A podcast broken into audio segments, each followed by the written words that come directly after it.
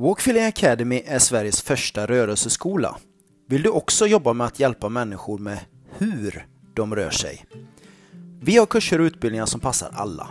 Det är för dig som vill förbättra din egen kropp, söker ny karriär eller vill få rörelseträning i din befintliga verksamhet. Nu och till och med den sista november 2019 får du sparrerabatt på 10% när du anmäler dig till någon av våra kurser eller utbildningar.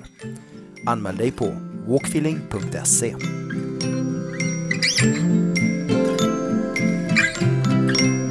Hej och välkommen till For Health med Anna Sparre. Idag ska vi prata med Tommy Olausson om löpning som återhämtning. Hur kan rörelse och träning ge dig återhämtning? Hur kan du springa och återhämta dig samtidigt? Om du gillar den här intervjun så blir jag så glad om du vill dela med dig av den på Facebook eller Instagram och tipsa en vän. Gå också in i iTunes och lämna en recension. Det gör det lättare för mig att få hit intressanta intervjupersoner. Tack på förhand! Glöm inte att ladda ner mina e-böcker via fliken Böcker på forhealth.se och att boka mig som föreläsare till ditt event.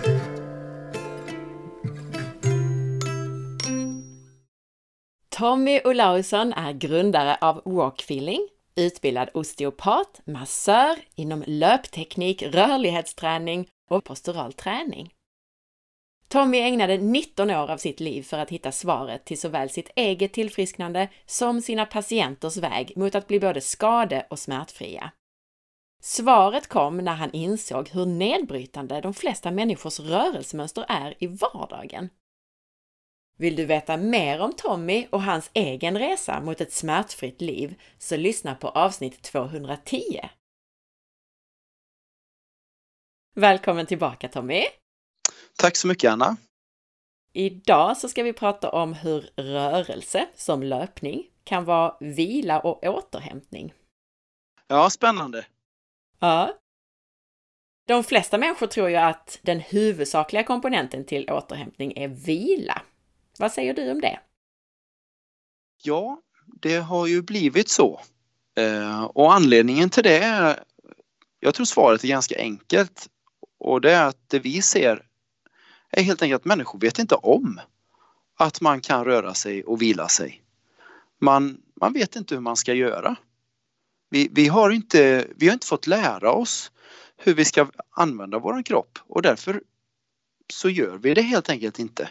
Och det finns där hela tiden. Alla människor har tillgång till att röra sig och återhämta sina muskler, sina leder eh, eller från sina skador eller från sin stress i den rörelse man gör i vardagen. Alltså det kan vara att man går från bilen till sitt hus eller man går och handlar eller man är på väg någonstans. Och där kan man alltså återhämta och läka sin kropp eh, helt naturligt och det är väldigt, väldigt logiskt. Ett ett exempel på det. Jag hade en eh, fotbollsagent hos oss här för några veckor sedan. Och han kom in och så sa han, jag har hört om det här walkfeeling och runfeeling att, eh, att ni gör bra grejer för, eh, för atleter och de som vill prestera. Och då frågade han, vad, vad, men vad gör ni? Jag har liksom inte förstått riktigt vad det är ni gör. Och då, sa, då vände jag på frågan och så sa jag det, men vad vill du ha? Du har ju fotbollsspelare eh, på väldigt hög nivå. Vad vill du ha ut av det här? Han bara, ja men då skulle jag nog vilja, jag har en back som jag skulle vilja bli, bli lite snabbare. Jag har en mittfältare som jag skulle vilja springa i ett högre tempo över, över längre tid och jag har en anfallare som jag skulle vilja bli ännu snabbare. Alltså bli en riktig spjutspets. Och gärna om de kan eh, minska risken för att skada sig vore ju en bra bonus, sa han då. Det är precis vad vi gör, svarar jag. Vi optimerar människors sätt att röra sig och automatiskt så blir de snabbare, återhämtar sig fortare och kan förebygga sina skador samtidigt som de rör sig. Och då var hans spontana reaktion på det. Va? Finns det? Ja, så nu äntligen så är detta faktiskt möjligt för människor att utveckla sina egenskaper precis till det de själva vill. Men de flesta lär ju sig att man, om man till exempel styrketränar, då medan man styrketränar så, så går det sönder lite grann i, i muskelfibrerna och så vidare. Och sen så måste man vila då för att det ska bygga upp sig och man ska, verkligen ska få effekt av sin träning. Mm. Vad säger du om det? Alltså stämmer det? Jo, absolut. Absolut. När, när, när man tar i maximalt eh, som man gör i styrketräning så, så, och, och belastar muskeln mer än vad den egentligen klarar av, då, då blir det precis den reaktionen. Och tittar vi på rörelse så betyder det att när man rör sig och när man springer så kan man röra sig på ett sätt så att man inte överbelastar muskeln. Och då sker inte den nedbrytningen. Och på så sätt så kan man alltså återhämta sig samtidigt som man springer. Okej. Så kroppens medfödda förmåga är alltså att, att kunna röra sig ja, 10 till 12 timmar per dag med gång och löpning varje dag. Men tänker du nu utifrån en löpares perspektiv, alltså någon som, som har löpning, det kan ju vara fotbollsspelare då till exempel som faktiskt löper i sitt, sitt spel så att säga. Ja. Eller är det så att man, om man tränar styrketräning också då, kan ha någon slags aktiv vila och gå ut och springa lite emellan? Ja, Precis. Eh, så ja men absolut. Så det gäller ju både fotbollsspelare som kan optimera sin rörelse för att inte ha någon nedbrytning. Men om man styrketränar och gillar det och, och man bryter ner musklerna, för det är ju en del av träningen då. Så är det ju väldigt många människor som när de går eller springer spänner sig i musklerna alldeles för mycket. Så anspänningen i kroppen är alldeles för hög och då minskar det förmågan för musklerna att återhämta sig från styrketräningen. Så då är det egentligen tillbaka lite till det vi pratade om förra gången då, alltså för att kunna återhämta sig i rörelse så är det då de sakerna som vi pratade om förra gången, alltså att man ska lära känna sin kropp och lära sig gå och röra sig igen så att man inte spänner sig och man inte tar för hårda och snabba och långa steg och sådär. Är det det som, som du pratar om?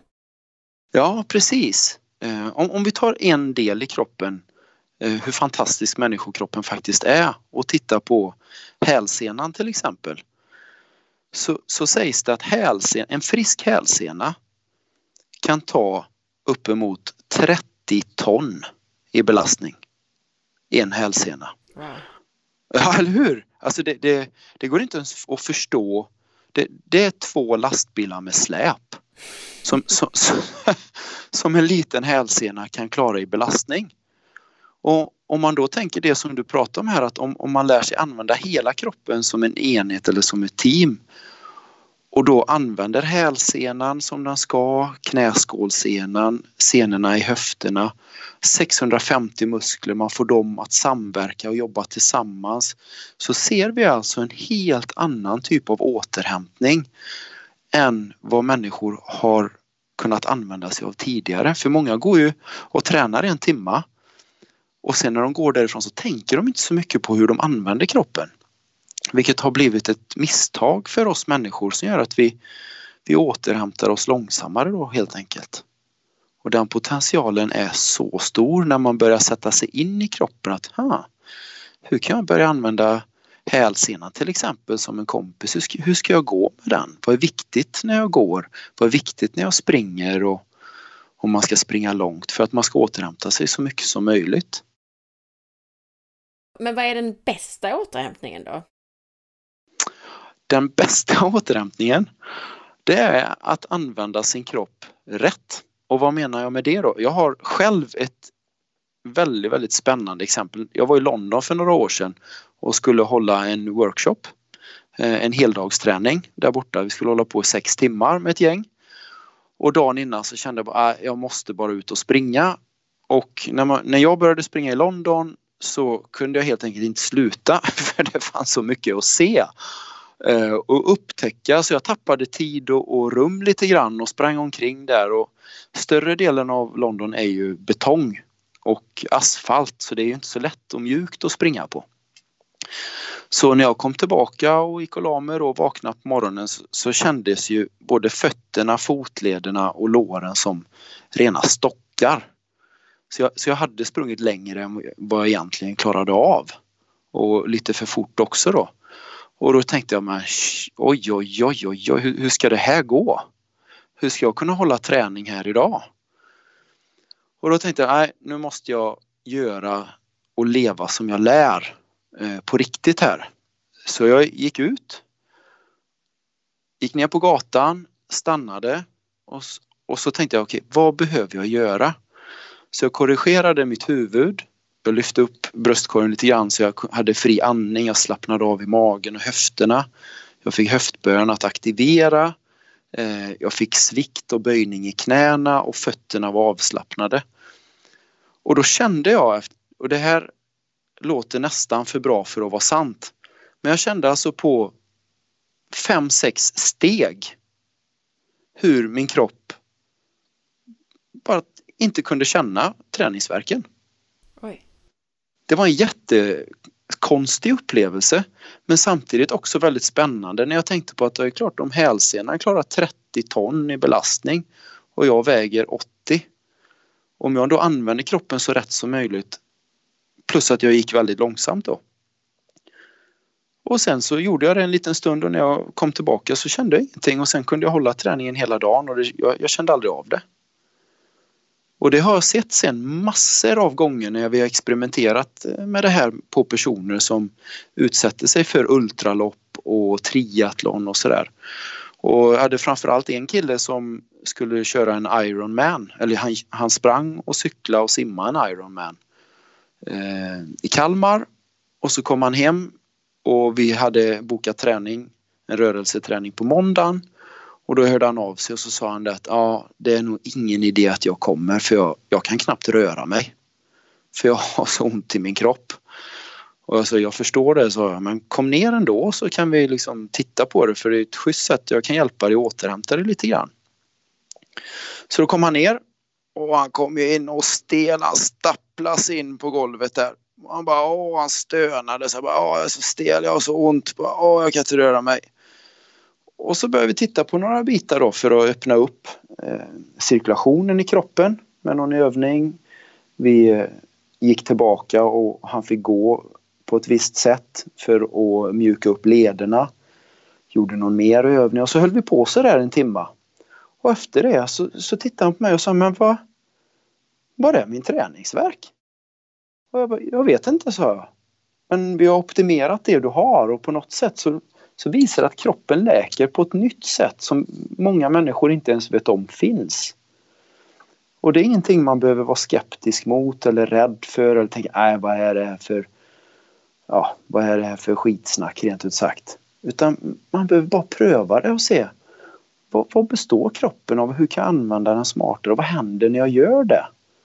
För vi har aldrig, det, det är så få människor som har övat och tränat på att optimera sin kropp i rörelse. Och det är så coolt. Den är så mycket mer än vad vi tror. Så många människor har, som vi har sagt tidigare, mycket tankar om sin kropp men få av dem stämmer. Kan man summera det då som att det faktiskt är bättre att röra sig försiktigt och optimalt som återhämtning än att ligga ner och vila?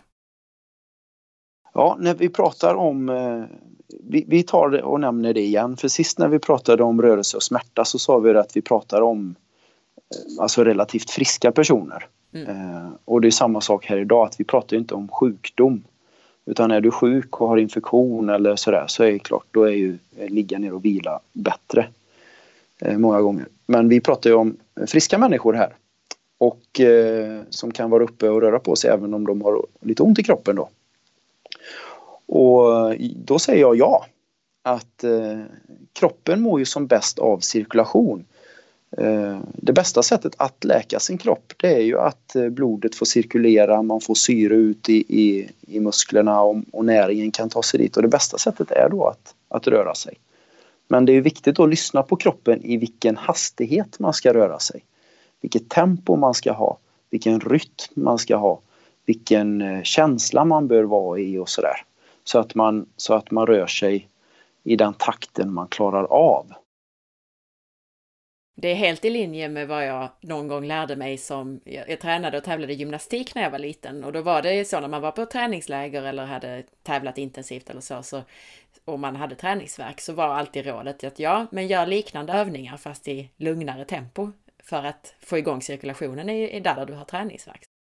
Ja, jättebra liknelse. Det, de flesta idrotter använder sig av det här. Dans till exempel. Ehm, ja, och friidrott, det, det, tänker man ju liksom mycket på. Hur har vi belastat kroppen och hur mycket kan vi träna efteråt? Men det här är ett nytt sätt att göra det, som du säger, att, att gå in och titta på hur kan jag röra mig rätt? För det är det, det är det ingen som, vi, det är väldigt få som har fått lära sig. Även i de här idrotterna.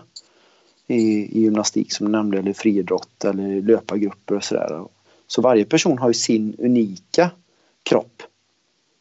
Och när man då använder den så bra som det bara går. Så ja, då finns det mer att lära sig där helt enkelt. Går det att konkretisera det ni gjorde med den här killen då som kom in på måndagen efter sin Ironman eller vad det nu var han hade gjort? Mm. Så sa du att ni gjorde saker för att öka cirkulationen och för att mjuka upp kroppen. Går det att konkretisera och ge ett par exempel på vad ni faktiskt gjorde? Ja, absolut. Eh, för så här ser jag det att när en person, eller ja, jag ska säga vi, av det vi har tagit fram under de här 20 åren som vi har jobbat med människor så har vi förstått att cirkulation är, i kroppen är väldigt viktigt. Och vad är det då som gör att det cirkulerar? Jo, det är hjärtat. Så om man inte förstår det jag beskriver här så gör det ingenting utan då kan de höra av sig till dig Anna eller till mig eller till oss på Walkfeeling så kan vi hjälpa människor att förstå det lite mer för det kan ta ett par gånger innan man greppar det. Eh, och greppar man det intellektuellt så behöver man också få känna det i kroppen för att faktiskt fatta på riktigt vad det är vi menar. Men hjärtat i alla fall, det har ju blodkärl som går ut till alla kroppens olika delar. Och om det blir sämre cirkulation någonstans då blir det ju sämre läkning och det kan uppstå problem där. Så det vi gjorde med honom det var att vi öppnade upp så att han kunde slappna av. När musklerna slappnar av då cirkulerar det bättre. Så vi gjorde några avslappningsövningar som gjorde att det öppnade upp hans, hans eh, kropp och hans muskler. Vad var det då för till exempel för avslappningsövningar? Bara ge ett exempel. Ja, jag kan ge fler exempel. Eh, ett var att han gick extremt långsamt. Eh, och där vi då såg till att huvudet, bröstkorgen, bäckenet, benen och fötterna rörde sig som en enhet. Och när han hade gjort det under eh, 5-10 minuter någonting så fick han lägga sig ner och göra lite andningsövning. Och då öppnade det upp honom ännu mer. Sen fick han komma upp och så gjorde vi några aktiveringsövningar som jag har med mig från den posturala träningen. Eh, det var bland annat eh, fotcirklar som är en väldigt stark övning för att aktivera höften och foten. Eh, och sen så byggde vi på så. Så att vi jobbade med övningar, rörelse, övningar, rörelse, stillasittande på ett väldigt lugnt sätt som gjorde att musklerna i den processen då kunde återhämta sig på bästa sätt. Och efter en timme när vi hade gjort det så kändes kroppen bara väldigt fri och väldigt stark. Vilket den gör för alla människor eh, vid varje tillfälle egentligen. Och då kan, kunde han lära sig det själv. Eh, som han använder nu. Så nu när han är ute och reser runt om i världen och sådär så har han ju sin procedur som passar hans kropp perfekt. Han har ju testat att ge den till sin fru och det har inte alls blivit lika bra. Eh, eller sådär. Så det är ju för hans kropp så vi har ju lyckats räkna ut hur varje person kan lära sig använda sin kropp med alla de här ingredienserna som vi pratar om då för att få det att smaka så bra som möjligt. När du tog både dig själv där i London som exempel och den här killen så mm. pratar du ju om den här ganska lugna rörelsen. Man går och man gör försiktiga övningar så att säga. Men ja. när vi skulle göra det här avsnittet så sa du, oh wow, vi pratar om löpning som återhämtning. Yes. Och det kan ju låta som en motsägelse. Berätta lite om det. Ja. Nej, men när, när, vi upp, när vi har jobbat med de här sakerna och upptäckt så har vi sett att man kan använda sig av den här principen även i löpning. Och då delar vi ju in kroppen, vi kanske kommer till det sen här, men i sex växlar. Så vi har gång, sen har vi eh, lufs eller lätt jogg och sen har vi springa lite fortare. Sen springer man ganska snabbt. Och sen har vi sprint som är växel 6. Eh, så vi har sett att man kan alltså lära sig de här principerna i alla sex växlarna. Där man får med sig så mycket eh, kropp som möjligt. Alltså man använder så många muskler på så rätt sätt som möjligt i alla de här hastigheterna. Eh, vilket är jättehäftigt. att se. Som gör att en sprinter kan sprinta och återhämta sig samtidigt. Många sprinters idag, de tar ut för mycket kraft som gör att de orkar inte springa så många gånger. Eh, så det kan man utveckla. Tittar man på långdistanslöpare som springer eh, alltså ultralopp, vi pratar 8 mil och uppåt, så kan de alltså utveckla sin förmåga att lära sig att hitta sin rytm och sin takt eh, utefter vägen. Eh, nu, och likadant i lägre växlar då. Så Men det, detta låter ju mm. då som att de får en mer effektiv löpning så, det kan, så att de inte blir så slitna, ska vi säga, från första början. Men om man nu kommer från ett ultralopp så att säga, kan man då ändå springa och återhämta sig efter? Eller om man nu har varit på en tävling och sprintat ett antal lopp då, 100 eller 60 meter till exempel. Mm.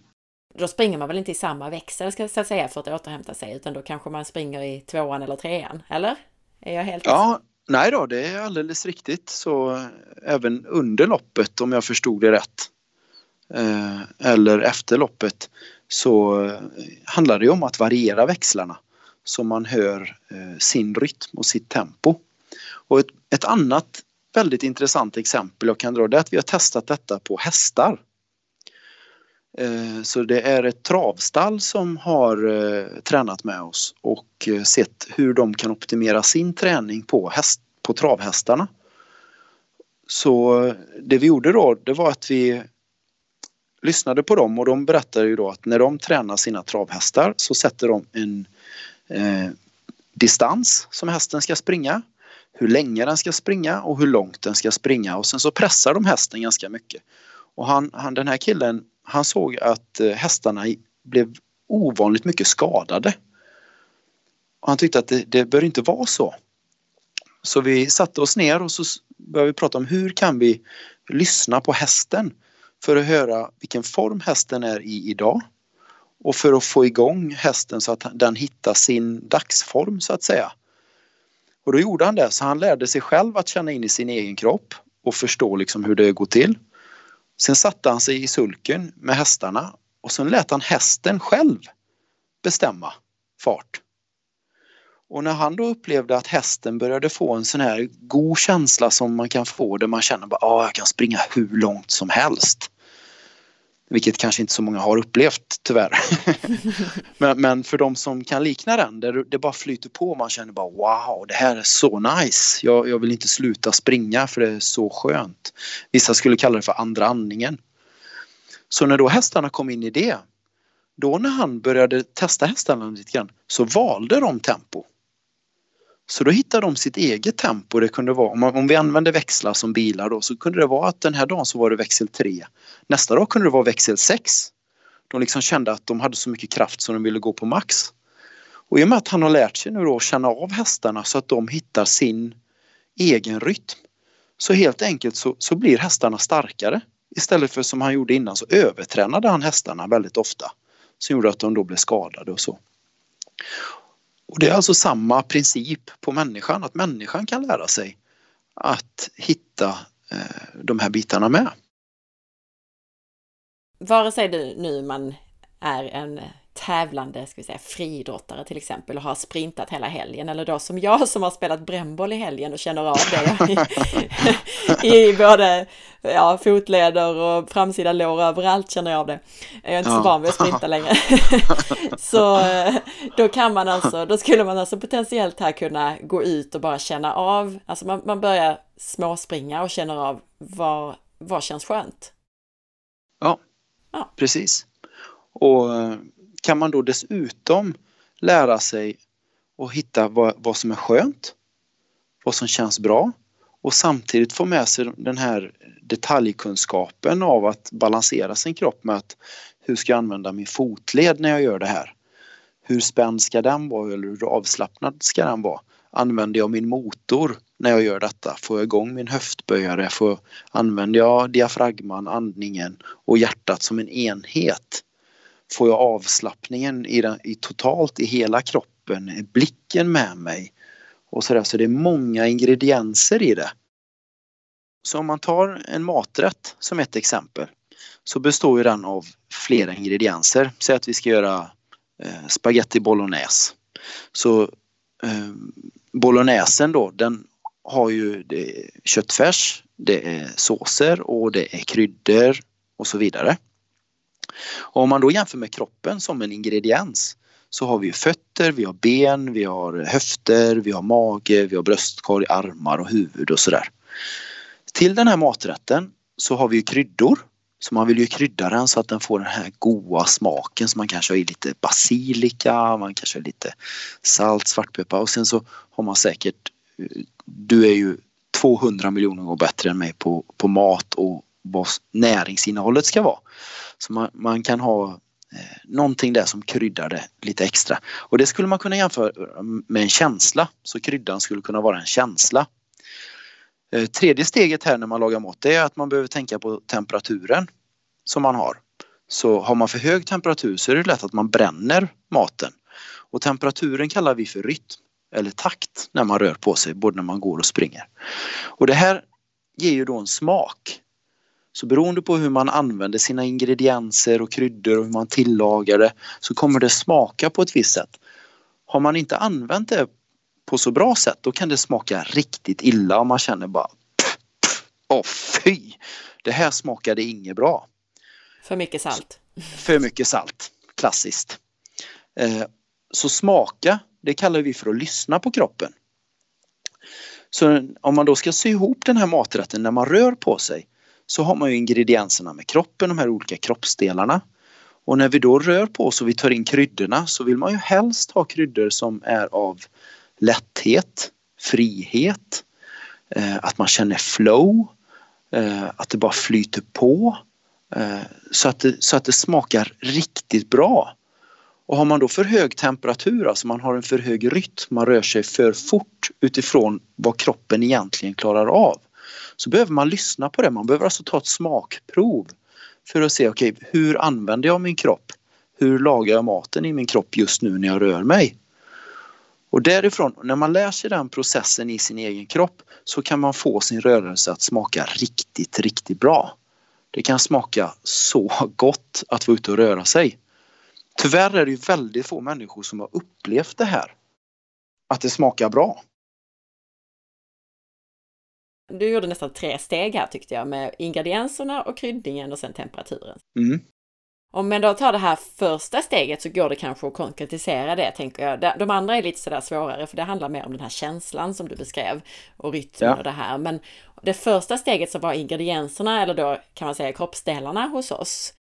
Finns mm. det några generella saker man kan tänka på kring då hur man ska röra sig för att återhämta sig när det gäller de här olika delarna? Mm.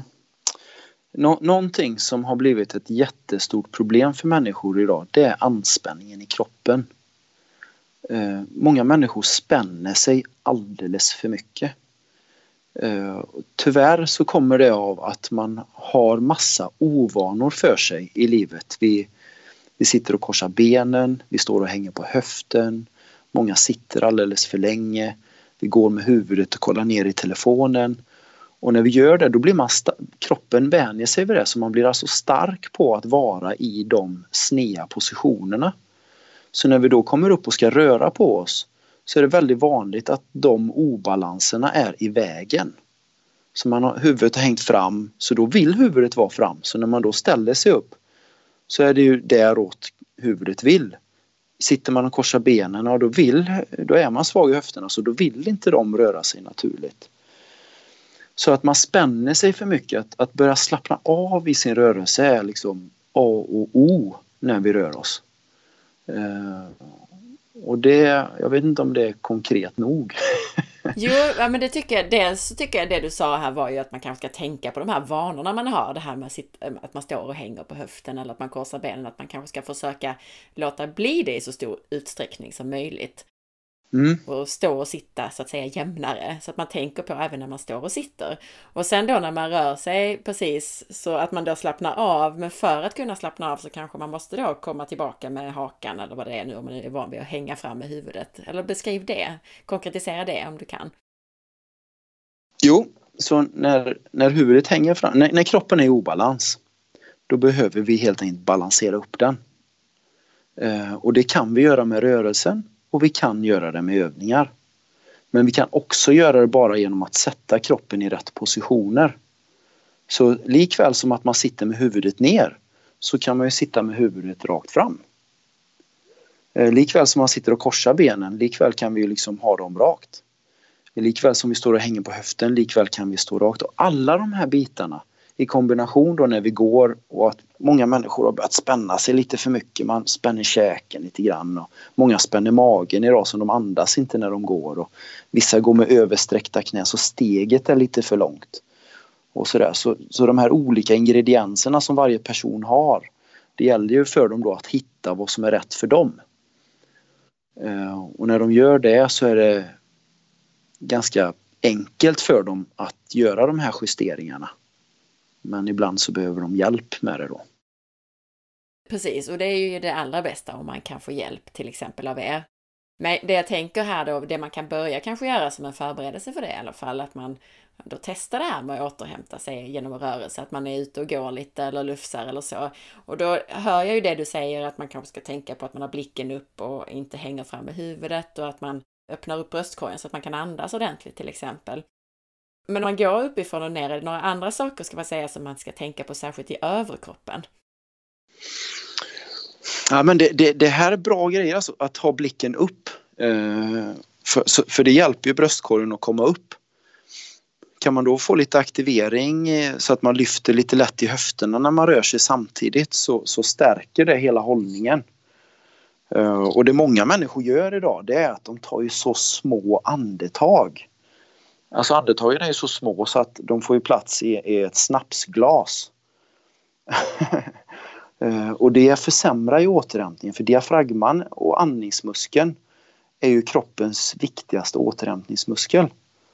Och kombon då av att röra sig väldigt avslappnat, andas djupt, vara stolt och, och röra sig i den hastigheten som man klarar av för stunden så är det väldigt bra.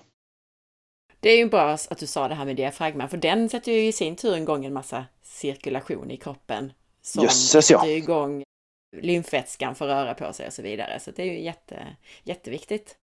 Ja, den är fantastisk. Alltså den, den rör sig 20 till 22 000 gånger upp och ner varje dag av sig själv.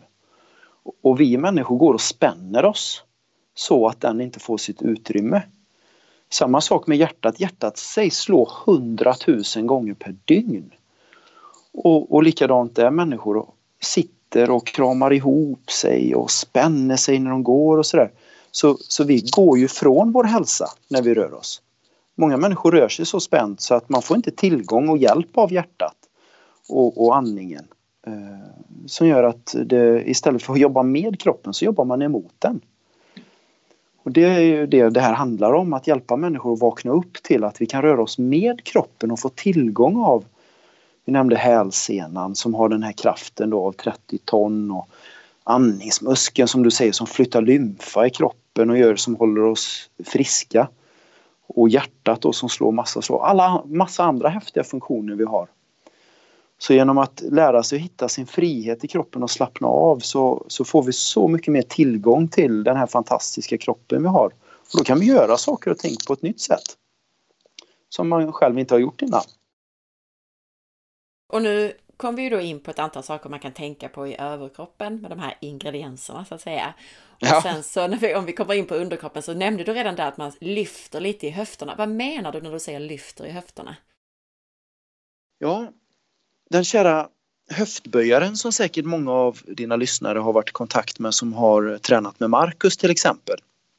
Eh, kroppen har ju ett system av muskler från vår födsel som sitter djupt inne i kroppen. Och deras funktion är alltså att dra skelettet in i sin perfekta position. Och när de här musklerna inte är aktiverade eh, så tappar kroppen kraft. Eh, bäckenet blir snett och vi översträcker knäna och sådär. Och genom att då i rörelse aktivera höftböjaren så höftböjarens funktion är att den, den, vill stabilisera vår andning, den vill stödja hjärtat bland annat. Den stärker bäckenet och ländryggen, den avlastar diskarna, den har massa fantastiska funktioner. Men när vi går och springer så är det många människor som använder framlåret istället för höftböjaren. Och då blir det översträckning i knät och då sätter vi ner hälen väldigt hårt och då blir det stötar som går upp i, i vår bäcken och vår ländrygg då. Och det spänner kroppen och på så sätt så, så låser vi in andningen och vi låser in hjärtat. Och då tappar vi vår rytm, tappar våran takt. Och på så sätt så upplever vi väldigt mycket smärta i vår kropp. Och så kan man då lära sig att få igång höftböjen så, så, får det väldigt stora effekter runt om i kroppen i rörelse. Det räcker många gånger alltså inte att aktivera muskeln för vårt rörelsemönster stänger av den många gånger. Eh, I det som jag precis nämnde där. Så det man kan tänka på då när det gäller själva höftböjaren är det att få in en känsla där man känner hur höftböjaren arbetar och inte att det känns för mycket i framsida lår. Är det den känslan man ska leta efter? Ja, precis. Precis, för hö höftböjaren, alla kroppens muskler består ju av fascia, eh, alltså hinnor som sitter runt och den, den, nya vetenskapen visar att eh, hinnorna är elastiska. Eh, de är som gummiband. Det betyder att våran kropp är som gummiband. Man har också sett att kroppen är som en svikt att, att den sviktar när vi rör oss. Det är därför fotleden, knät, höften, ryggraden ser ut som den gör. Så kombinationen av att kroppen är, har en gummibandsförmåga och den sviktar. När man då använder den kombinationen så, så får vi kraft på ett nytt sätt. Eh, precis, och då får vi den känslan från höften på rätt sätt att den, den ansträngningslöst kastas fram istället för att vi går och spänner låren så är det jättestor chans att vi eh, kan hitta tillbaka då. Är det något annat sen i underkroppen man ska tänka på? Jag tänker, nu nämnde vi höfterna och höftböjaren. Hur ska det ja. kännas kring knän, vader, fotleder? Ja, när det kommer till knäna så eh, många har ju börjat översträcka knäna på olika sätt, både när man står och, och när man går.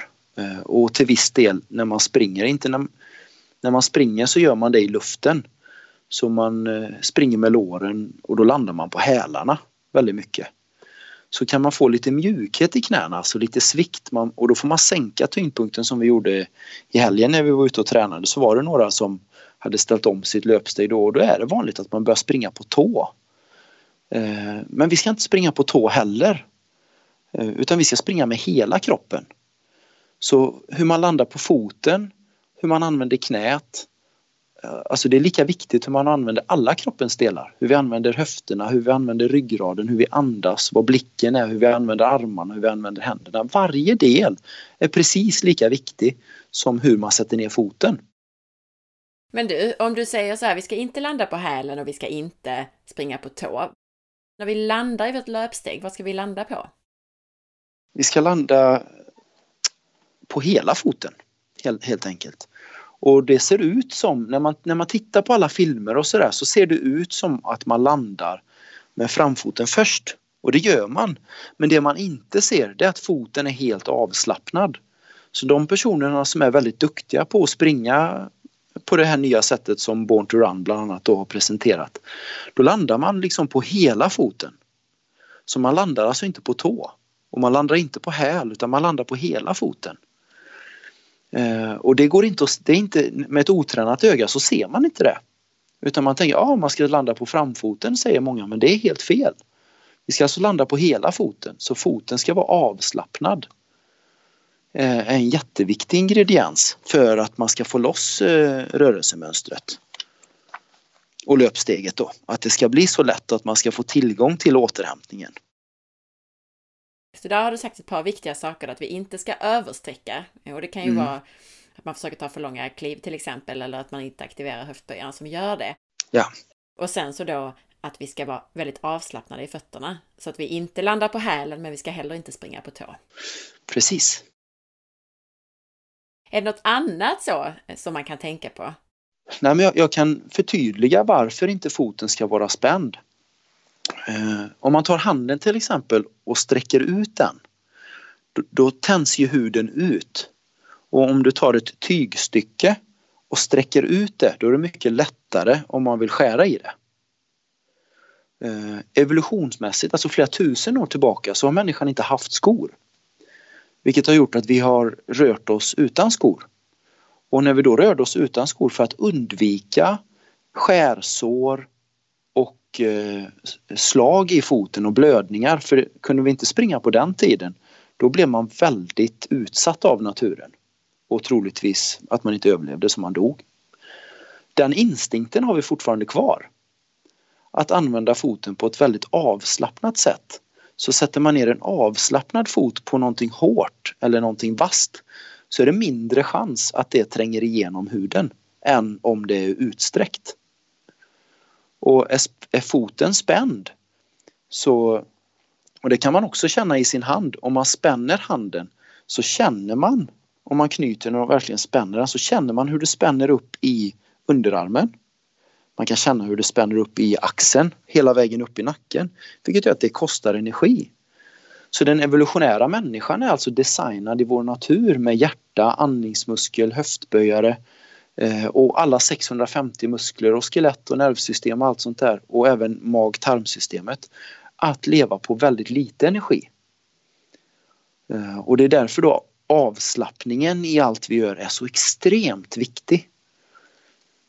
Så jag vill bara förtydliga det med fotens funktion också att designen där är att den ska vara väldigt avslappnad och fri.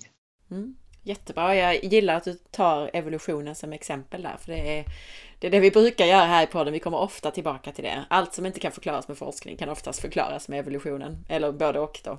Ja, det är en fantastisk, fantastisk kombo att lära sig om eh, både det naturliga vi har men också ta del av den senaste forskning och vetenskap. Det, det gör att vi som människor har en förmåga att kunna må väldigt bra när vi lär oss det. Precis. Men det, det är nästan svårt att utesluta eh, någon av dem. Min nästa fråga gällde egentligen det här då vilka, vilka de vanligaste felen är som vi gör när vi springer. Men vi kanske mm. redan har kommit in på dem, det här då att man spänner sig och har huvudet fram eller att man inte aktiverar höftböjarna eller att man är spänd i foten och så. Är det någonting ja. annat som du tänker på när jag ställer den frågan? Vilka de vanligaste felen är? Eh, ja, men det andra, eller jag, jag har en sak som jag tänker på som också är väldigt viktig och det är just att människor, många idag tror att det bara är ut och springa. Eh, det finns inget sånt i vårt samhälle eller i vår natur idag överhuvudtaget där man bara kan gå ut och göra det. Om, om du ska hålla en presentation för ett företag så är det inte bara att gå ut och hålla den och hoppas på det bästa. Om man ska laga mat och, och man tänker att ah, nu ska jag laga den här eh, en väldigt god, eh, säg chili con carne. Jag kommer inte på något bättre. Eh, så är det inte bara att kasta i vilka ingredienser som helst. Om vi ska spela gitarr till exempel eh, så är det likadant där att det finns alltid någonting att lära sig. Löpning är väldigt lättillgängligt och borde vara så att det bara är ut och springa. Men vi ser att många människo, människokroppar bryts ner av att man inte tänker eller lär sig hur man faktiskt ska använda kroppen när man går och springer. Då. Som på sikt gör att man, man får lite såna här små krämpor eller spänningar eller eh, ja, de här diagnoserna som vi pratade om förra avsnittet med löparknä, hopparknä och hälsporre och sådär. Så man har inte fått lära sig att det kommer av sig själv av hur man rör sig. Så eh, det är en jätteviktig poäng att man börjar tänka efter lite. Hur använder jag min kropp egentligen och vad gör jag med den? För vi gör det i alla områden. Det är jätteviktigt för oss att vi, att vi börjar tänka på hur vi rör oss för att, det ska bli, för att det ska bli bra, att vi ska kunna röra oss hållbart. För människor vill ju kunna röra sig även när man blir gammal. Och att man ska kunna röra sig fritt även då. Så att man slipper, och, eller i alla fall minska risken för att byta leder i framtiden eller få slitage i dem då. Men anledningen då till att det inte kommer naturligt för oss längre att mm. röra oss på rätt sätt. Är mm. det det här till exempel då att vi idag springer och, och, rör oss med skor på oss? För det nämnde du ju att förr i tiden under evolutionen så sprang vi ju barfota vilket gjorde att vi var tvungna att bland annat vara avslappnade i foten för att inte skära oss och så. Ja. Är det därför eller vad är det för anledning till att vi springer fel idag? Ja, Ja, det är ju en skotrend nu som pratar om att skorna har en påverkan på hur vi rör oss. Och eh, de största skoförsäljarna eh, fick ju ta ner de här skyltarna här i vintras. För det, det har visat sig att skor har ingenting med löpningen att göra. Det påverkar känslan i foten. Det gör att man känner mindre när man har en sko på sig. Men det i sin tur behöver inte alls påverka hur vi rör oss. Eh, det är som en skidåkare som har handskar på sig. Bara för att man tar handskar på sig så blir man inte en sämre skidåkare. Utan man lär sig använda stavarna, handskarna och armpendlingen och hela kroppen så kan man använda dem precis lika bra. Och det är samma sak med fötterna att när, när vi sätter skor på fötterna, visst vi tappar lite känsla, det gör vi med händerna också när vi tar handskar på oss. Men vi kan alltså lära oss att känna med hela kroppen och inte bara med fötterna. Och på så sätt kan vi lära oss använda vilka skor vi vill. Men jag tänker mer så här att skorna kanske gör att vi, precis som handskarna i skidåkning eller så, att det gör att vi kan röra oss på fel sätt som vi inte kan när vi är barfota till exempel. Alltså att det möjliggör för oss att, att, ha ett hårdare steg för att vi har en dämpande sula som gör att vi inte får direkta negativa följder av den här, det här felaktiga löpsteget. Ja, och det, det, det finns en liten sanning i det. Eh, men det viktiga i detta är att se att det är inte skons fel. Utan det är människan som inte lär sig använda skon. Och det är jättestor skillnad på det. Eh, för många människor skyller på att det är skornas fel. Och säger nej men det är skons fel att jag rör mig så hårt. Skon är helt oskyldig. Eh, om skon kunde löpa åt oss så hade den gjort det men tittar man på en sko så ligger den stilla där så när människan hoppar i den och rör sig med den då rör sig skon också. Så det har blivit en ursäkt för många att eh, man inte rör sig tillräckligt bra i skon. Men vad är anledningen då? Varför springer vi fel idag?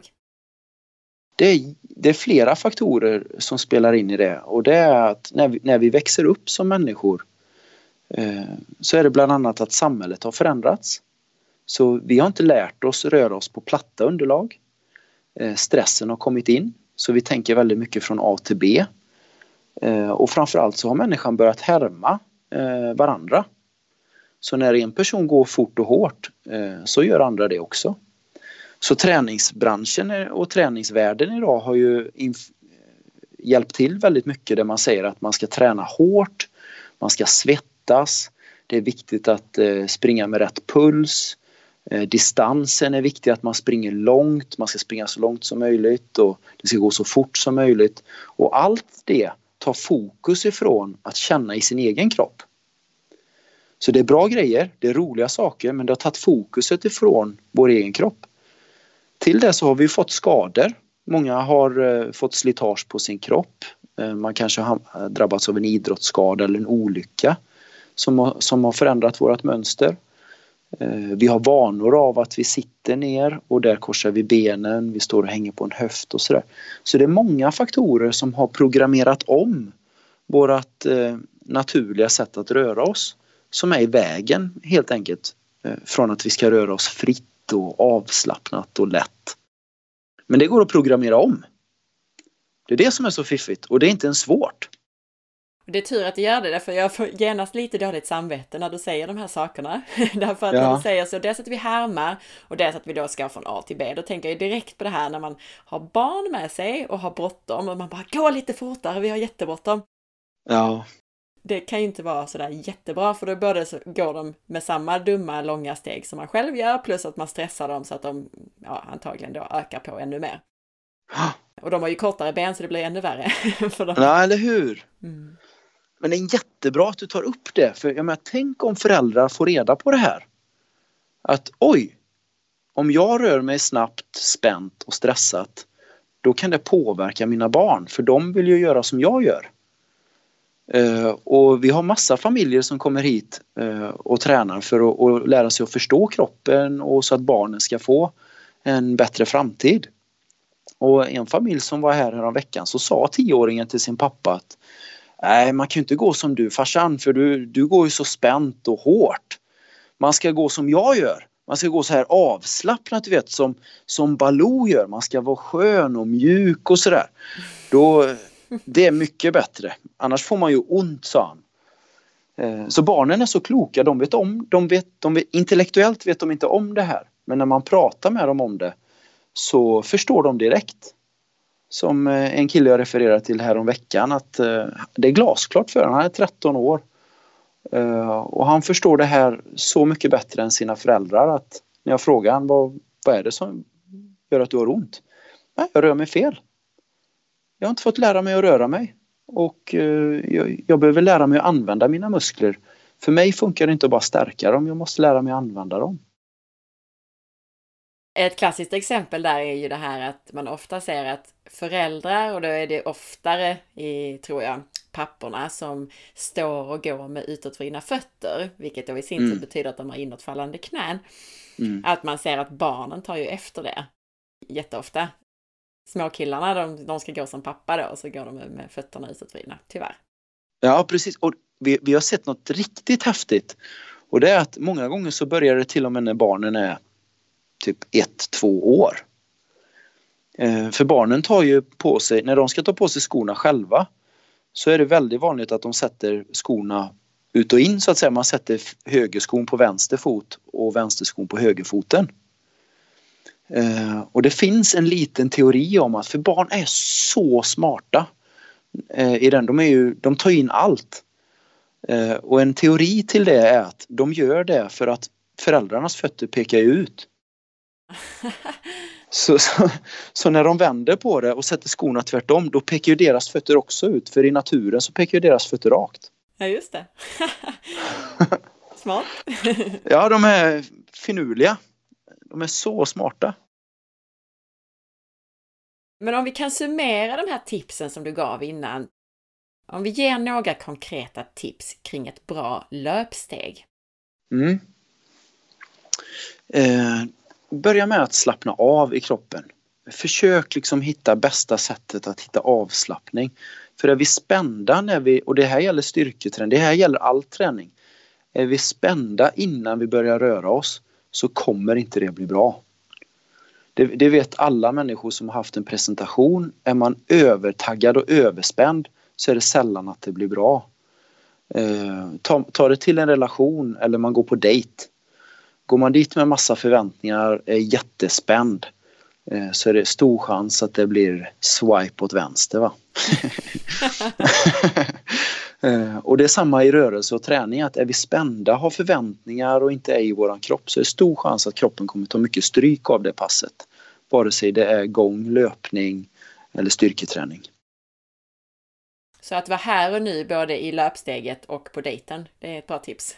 Yes, där har vi det. ja, du får ha en relationspodd här sen.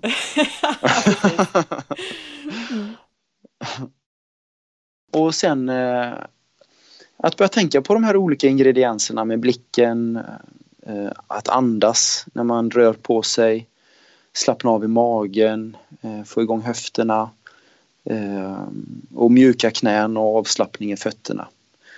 Och, och, kan man lära sig använda dem, alla de ingredienserna på ett bra sätt så kan rörelse börja smaka riktigt, riktigt bra. De här tipsen är ju toppen och har man svårt att komma dit så tänker jag också, jag gjorde ett avsnitt om just löpning med Marcus Greus och där mm. ger vi några jättebra övningar för alltså personer som till exempel har väldigt krum rygg när man springer och så. Mm. Och då är det ju svårt att komma till det här som du säger, att man öppnar upp så att man får upp andningen. Så då kan ja. man gå tillbaka till det avsnittet. Jag tror att det är 187.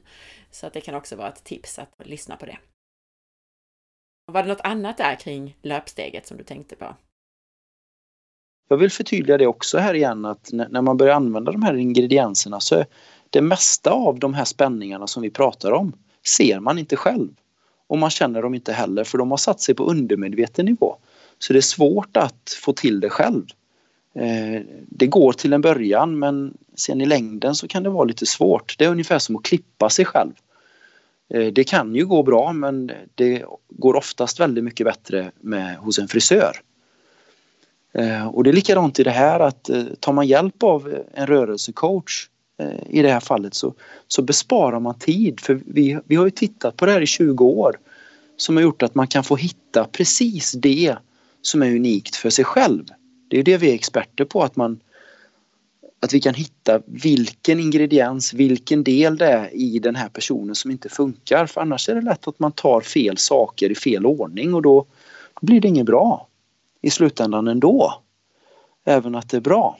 De här rörelsecoacherna då som du nämner, de, visst finns mm. de i hela Sverige nu för tiden? Ja, vi växer så det knakar och eh, vi kommer ha här till helgen en träff och då är vi 20 tränare som träffas. Eh, så det växer så det knakar och vi har sedan i somras haft ett otroligt genombrott i hur vi jobbar med det här. Vi har varit igång i fyra år men eh, den sista tre månaderna så har det skett en total förändring i vårt sätt att arbeta och vi har hittat ett par pusselbitar som är fantastiska för människor. Som gör att de kommer slippa väldigt mycket lidande framöver när de rör sig, vilket vi är så glada och tacksamma för att kunna bidra med till samhället. Om man nu känner att jag bor jättelångt ifrån Göteborg, Mölndal, där ni finns. Mm. Kan man hitta då eh, de som är utbildade hos er via er hemsida? Ja, från och med årsskiftet kommer man kunna göra det. Eh, som, som det är just nu så får man ta kontakt med oss och så kan vi delegera en tränare dit. Eh, vi har också online-träning eh, som man kan få hjälp med. Eh, som löser det på lång distans. Men det finns tränare i norr, vi har i Stockholmsområdet, vi har nere i Blekingeområdet och vi har här på västkusten naturligtvis i Stockholmsområdet och även mitt emellan där i Jönköp Jönköpingsområdet, även upp mot Värmland. Så det börjar sprida ut sig eh, på ett fantastiskt sätt, vilket är jättekul. Du nämnde ju också det här med att vi har olika växlar. Mm. Vi pratade ju lite grann om det i det här första avsnittet som vi gjorde, 210.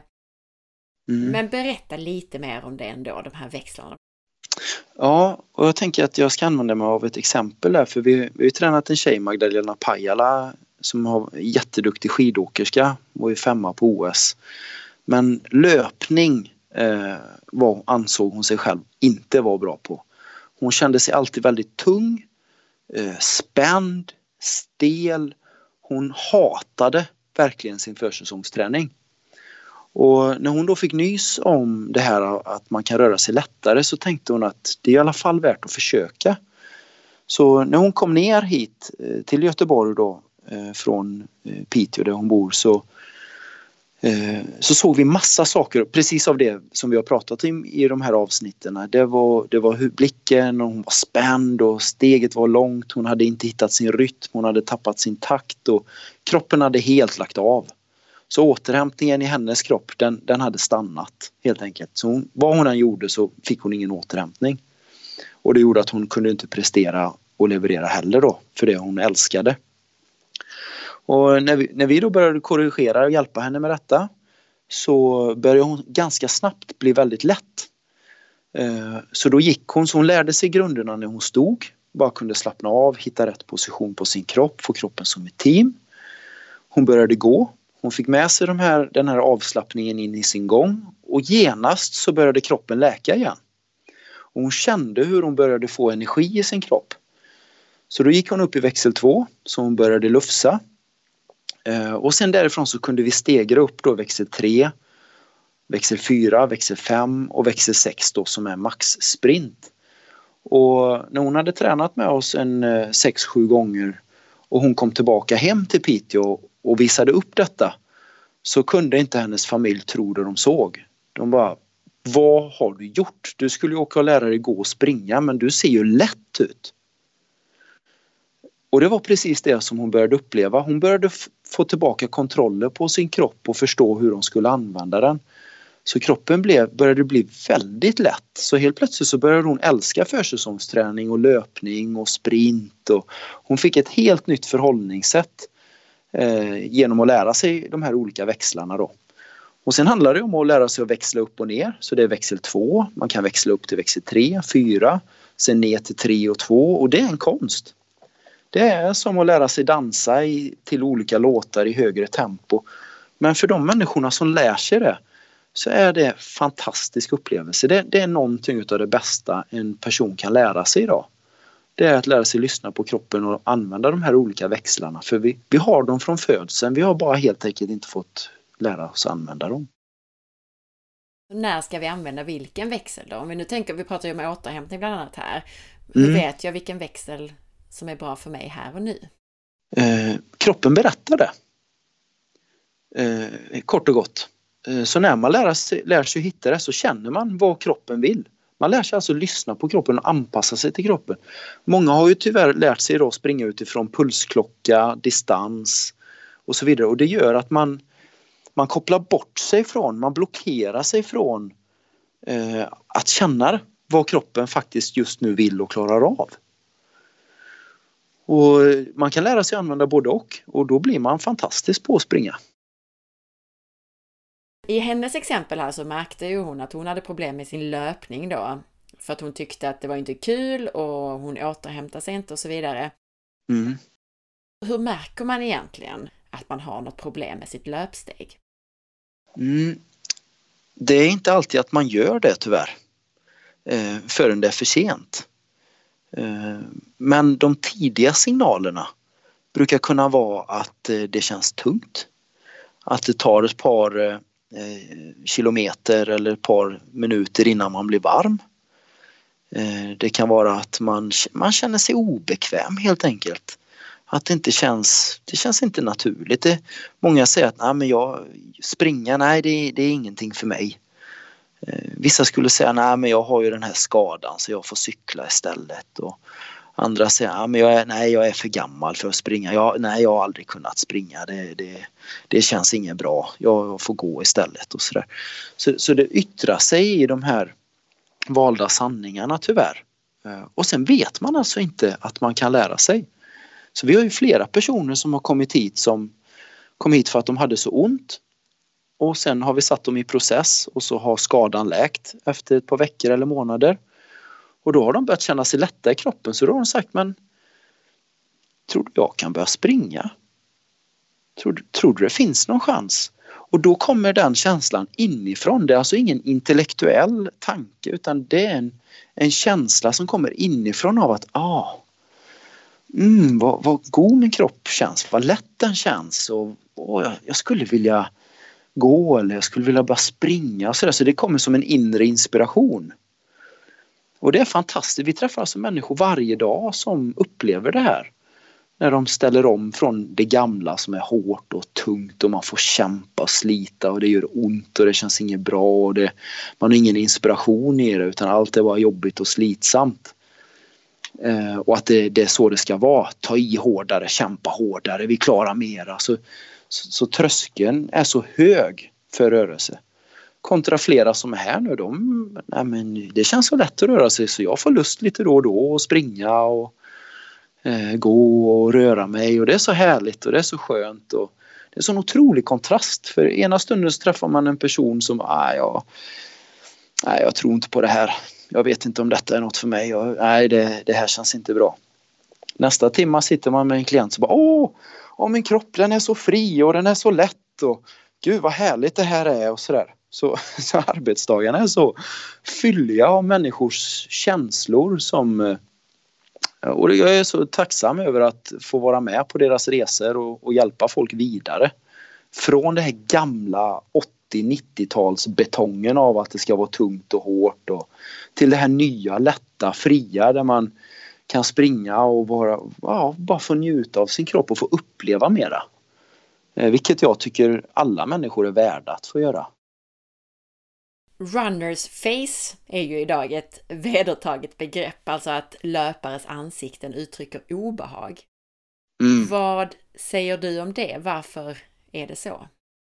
Ja, det har vi det här man, man ska bita ihop. Man ska kämpa. Man ska ta i. Och så gör man det. Så man biter ihop. Va? Så, så hela ansiktet bara berättar vad personen upplever. Hela deras ansiktsuttryck eh, avslöjar helt enkelt hur det går. Eh, och de tror att det är rätt. Och de, tro, de vet inte om att det finns ett annat sätt att växla upp som Pajala gjorde, att hon fick lära sig växlarna. Växla upp som gjorde att man, man kan ta i, absolut. Men man gör det på ett eh, skonsamt och naturligt sätt där man får med sig hela kroppen i rörelsen. Och då går det oftast mycket fortare. Det går mycket lättare. Eh, och då försvinner runners face på det sättet. Jag tänker omvänt också. Vi har pratat med Marcus Greus om att det finns en koppling mellan käken och höften. Och då tänker jag att om man nu går omkring och spänner ansiktet och käken, det kan ju inte vara så bra om vi nu vill använda höfterna när vi springer. Eller hur? Kroppen hänger ihop som en helhet. Den, eh, den gör verkligen det. Och spänningar på ett ställe kommer påverka kroppen på ett annat ställe. Så har man en muskel, om du har en våg, eh, en sån här, eh, vad heter de här gungbrädorna som man kunde sitta på när man var liten. Man sitter på en ena sidan och så sitter en person på andra sidan. Så gungar man fram och tillbaka. Eller, eller upp och ner. En sån balansvåg ja. Precis. Ja precis, en balansvåg, tack. Eh, och då lägger man 60% på ena sidan och 40 på andra sidan, ja då kommer det ju bli obalans. Och har vi 650 muskler i kroppen och vissa muskler används lite mer, ja då kommer andra muskler användas mindre. Det är liksom en universell lag. Och när det sker då blir det bara svårare för oss att röra oss. Innan vi slutar så dels då, var hittar man dig och är det någonting som ni på Walkfeeling har på gång just nu? Ja, vi har ju utbildningar på gång så vi utbildar ju rörelsecoacher i det här. Både personer som vill ha en ny karriär eller människor som redan jobbar som terapeut, som eh, personlig tränare, massör eller hållningstränare eller osteopat eller naprapat. Så, så kan man alltså gå utbildningar hos oss. Eh, 6, 12, 21 dagar upp till ett år och lära sig allt om det här. Det finns hur mycket som helst att lära sig som är eh, superspännande. Ehm, så det är det ena. Eh, vi har ju också naturligtvis rörelsecoacherna själva, alltså rörelseträning att eh, ta del av som är som en körskola skulle man kunna säga i sin egen kropp. Vilket är väldigt, väldigt värdefullt för de alltså för människorna som, som går där idag. Sig, för den som vill lära sig röra sig, så att säga, det sin egen kropp. Yes, för privatpersoner som vi säger.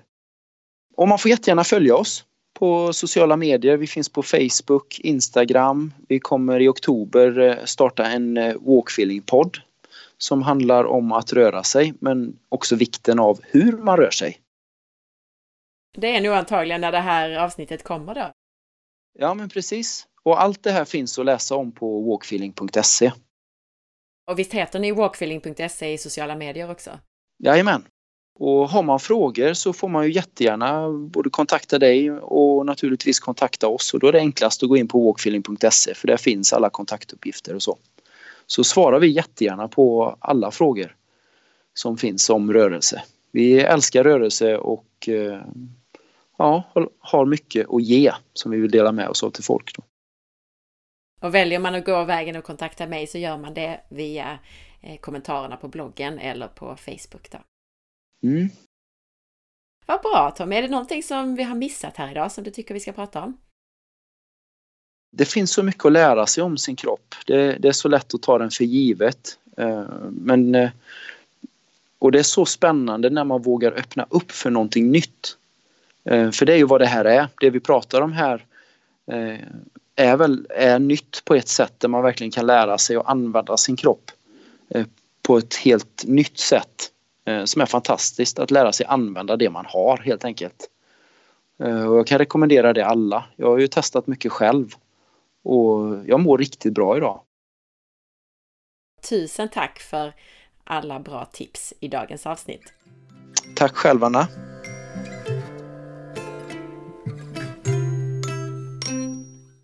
Tack för att du lyssnade. Jag hoppas att du gillade intervjun om du gillade podcasten så glöm nu inte att dela den och tipsa andra.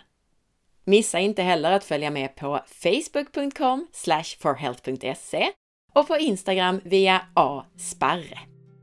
Veckans recension i iTunes är från T. Noak som skriver Mycket intressant podd. Har nyligen upptäckt denna podd. Anna uppfattar jag som mycket kunnig och har bred kunskap har förmågan att på ett pedagogiskt sätt förklara hur vi fungerar. Kommer att lyssna på många tidigare avsnitt. Ha nu en riktigt fin dag så hörs vi snart igen. Hejdå!